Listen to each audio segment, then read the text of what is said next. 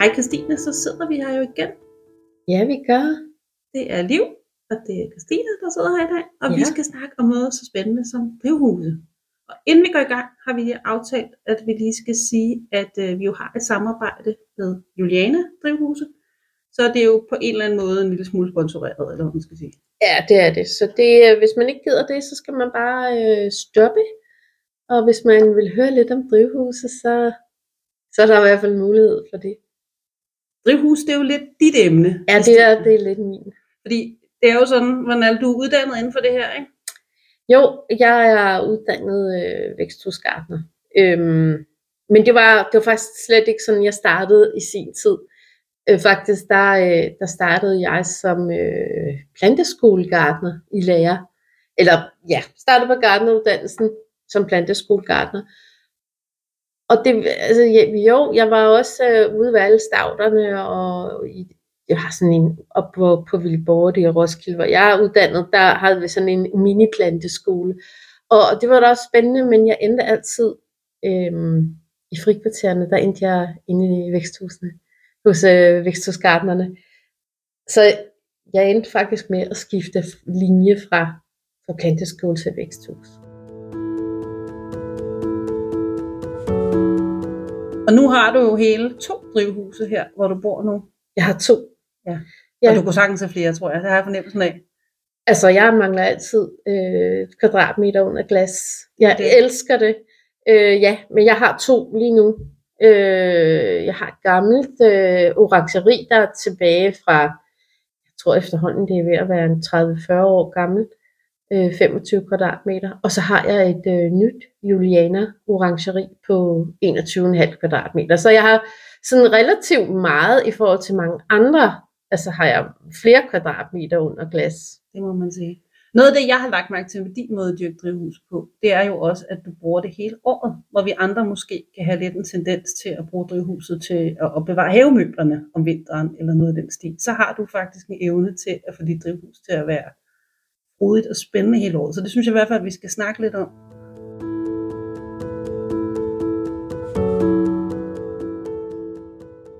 Ja, fordi øh, altså, for mig at se, at der er jo flere sæsoner i et drivhus. Der er jo ikke kun, øh, Nå, nu skal jeg sætte de her tomater og chilier ind, og så bliver det efterår, og så, det, så lukker vi ned for, for sommeren. Øh, jeg dyrker jo vinterdyrkning. Starter, jeg er allerede her, nu er det i juni, jeg er begyndt på de første forberedelser til, til vinteren øh, i drivhuset. Og det giver så god mening, synes jeg. Og det giver endnu mere mening, fordi at vi har et mildere klima nu. Vi kan bruge vores drivhus på en helt anden måde hele året. Så øh, for mig at se, at det er en helt uudnyttet ressource, der ligger i de danske haver, at, at de står tomme, de her drivhuse om vinteren. Vi skal lige slå fast her, det er jo ikke fordi, du har noget opvarmning i din drivhus. Det Absolut ene har en, øh, en væg af en husmur, som Ja. det står af, og det giver selvfølgelig lidt varme. Men ellers så står de jo fuldstændig uopvarmet. Fuldstændig. Der er kun øh, solen, øh, den sol, der nu er om vinteren, og så øh, regnvand, og så den muld, jeg har brugt om sommeren, bruger jeg også om vinteren til at dyrke i. Så det er fuldstændig, øh, ja, det er jo super bæredygtigt at fortsætte sin dyrkning på den måde.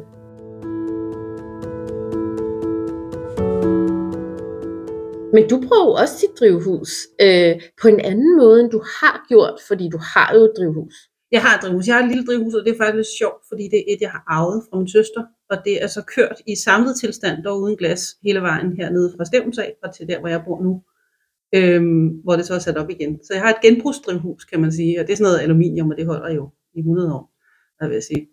Øhm, og der, i starten havde jeg ligesom alle andre, tror jeg, nogle kabelerkasser og nogle tomater og nogle agurker. Og vi havde rigtig mange chili, øhm, som vi så efterhånden, som vi fik børn, ikke fik brugt så meget, for det der stærke mad, det røg lidt ud af madlavningen. Øhm, og jeg havde faktisk lidt opgivet mit drivhus. Fordi det er længst væk fra min vandhane. så det var ikke altid, at jeg kom helt derned med vandet. Og det der med at passe de der tomater og agurker, og sådan noget, det sagde mig ikke så meget. Og så begyndte jeg at bruge halvdelen af mit drivhus til blomster. Og blomster er jo min ting. Og nu er jeg jo faktisk rigtig god til at få vandet drivhuset hver dag, sjovt nok. Fordi at det siger mig noget lige pludselig. Så nu dyrker jeg tulipaner om foråret, og så dyrker jeg varmekrævende blomster om, øh, om sommeren. Og så sår jeg ting om efteråret, der kan blomstre tidligt næste år. Så jeg har tre hold i mit drivhus af Så- blomster om året. Jamen, det er jo det. Og, øhm, og lige nu, der har jeg, udover at jeg har chili og tomater i mit gamle orangeri, så har jeg jo øh, det, der hedder Hardy Annuals, øh, efterårssået øh, blomster der, dernede nu. Og det er jo også sådan nogle, jeg så. Ja. Og det er, det er jo helt, det er jo noget andet. At imellem de her tomater, der står der blomstrende Nigella dernede nu, og det er, det er helt vildt fantastisk at kunne bruge drivhuset på en helt, helt anden måde, end man traditionelt har brugt det på. Lige præcis. Og det Mm. giver jo altså bare en forlængelse af sæsonerne. Altså jeg har tulipaner måske tre uger før, end jeg har ude i haven. Jeg har øh, sinia, altså de her varmekrævende sommerblomster, dem har jeg et par uger længere, fordi at de ligesom, der går længere tid før, at vind og kulde, øh, det slår dem inde i drivhuset og sådan noget. Så man får bare lidt i alle ender. Det gør man. Og, og igen, ja, tidlig blomstring af, af alt det efterårssået. Det er genialt. Det, det kan noget. Ja, det kan det. Men øh, Liv, jeg synes, vi skal gå en tur i drivhuset.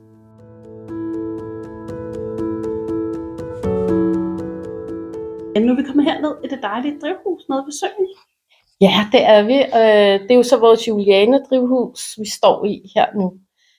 Og øh, man kan sige, at det her drivhus, det bliver jo brugt, øh, det er jo ikke kun planteproduktion, det er jo også vores udvidede mødelokale og arbejds, vi bruger det som et arbejdsrum her, fordi det har en størrelse, hvor vi kan, vi kan være i det, og hvor vi kan arbejde i det, og så kan vi også dyrke planter. Præcis. Og så er der også hernede, du har et rigtig stort dejligt arbejdsbord, hvor du kan stå med dine forspirede planter, både om foråret og om efteråret, sådan set. Ja. Øhm, og man kan sige, at lige nu har vi, jeg har noget chili, og jeg har noget tomat, og jeg har en masse blomster herinde. Og, og det skal vi jo gå og nyde og passe hele sommeren. Og så til efteråret, så, øh, så skal jeg til at forspire, selvom det lyder underligt, men jeg skal til at forspire alle vores efterårssåede øh, planter, alle de der hardy annuals. Ja, både blomsterne, men du forspirer vel også en del kål og sådan noget til Det gør jeg til vinterdyrkning, Ja. ja. og der er jeg faktisk allerede jo begyndt at forberede mig, men der skal selvfølgelig være vinterdyrkning herinde også. Jeg tænker, at vi kunne også snakke lidt om de vækster, der trives i et drivhus, for er jo varmt. Altså, jeg, jeg, når jeg kigger rundt, så ser jeg, jeg ser fine, jeg ser basilikum, jeg ser øh, tomater, jeg ser chili. Det er jo faktisk alle sammen planter, der er glade for varme. Mm. Og det er der jo en grund til. Fordi der er jo en grund til at sætte noget af det, der faktisk trives bedst i kulde ind i sådan et drivhus, vel? Nej, og det er jo det. Altså, det, det man skal jo arbejde meget med at øh, vælge noget, som, som man ellers ikke vil kunne dyrke ude. Eller hvor det ude vil være godt, men, men herinde er det bare meget, meget, det bliver meget mere frodigt. Og det er jo det, er jo det et drivhus kan. Det kan give os lidt Det- sydpå øh, i Danmark, eller hvad man Det kan sige. det, og det kan give os et, et øh, udrum, kan man sige, også i dårlige øh, perioder af den danske sommer. Og så kan den jo forlænge hele sæsonen i efteråret, hvor vi pludselig har et rum med nærmest lidt sydlands stemning, selvom det er september.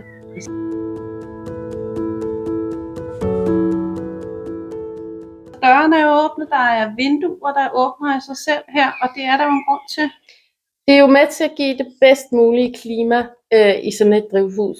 Og det forebygger en masse øh, svampesygdomme i planterne, men også sådan noget som griffelrøde, det er en sorte ender på tomaterne.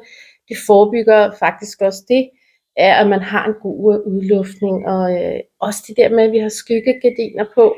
Fordi sådan noget som tomater, det, de er glade for varme, men alligevel over 28 grader, så det de slet ikke frugter. Så det skal man jo bare lige huske, at øh, godt være, at man køber sit drivhus, men altså husk, der er altså også noget, der hedder at få lidt udstyr i det.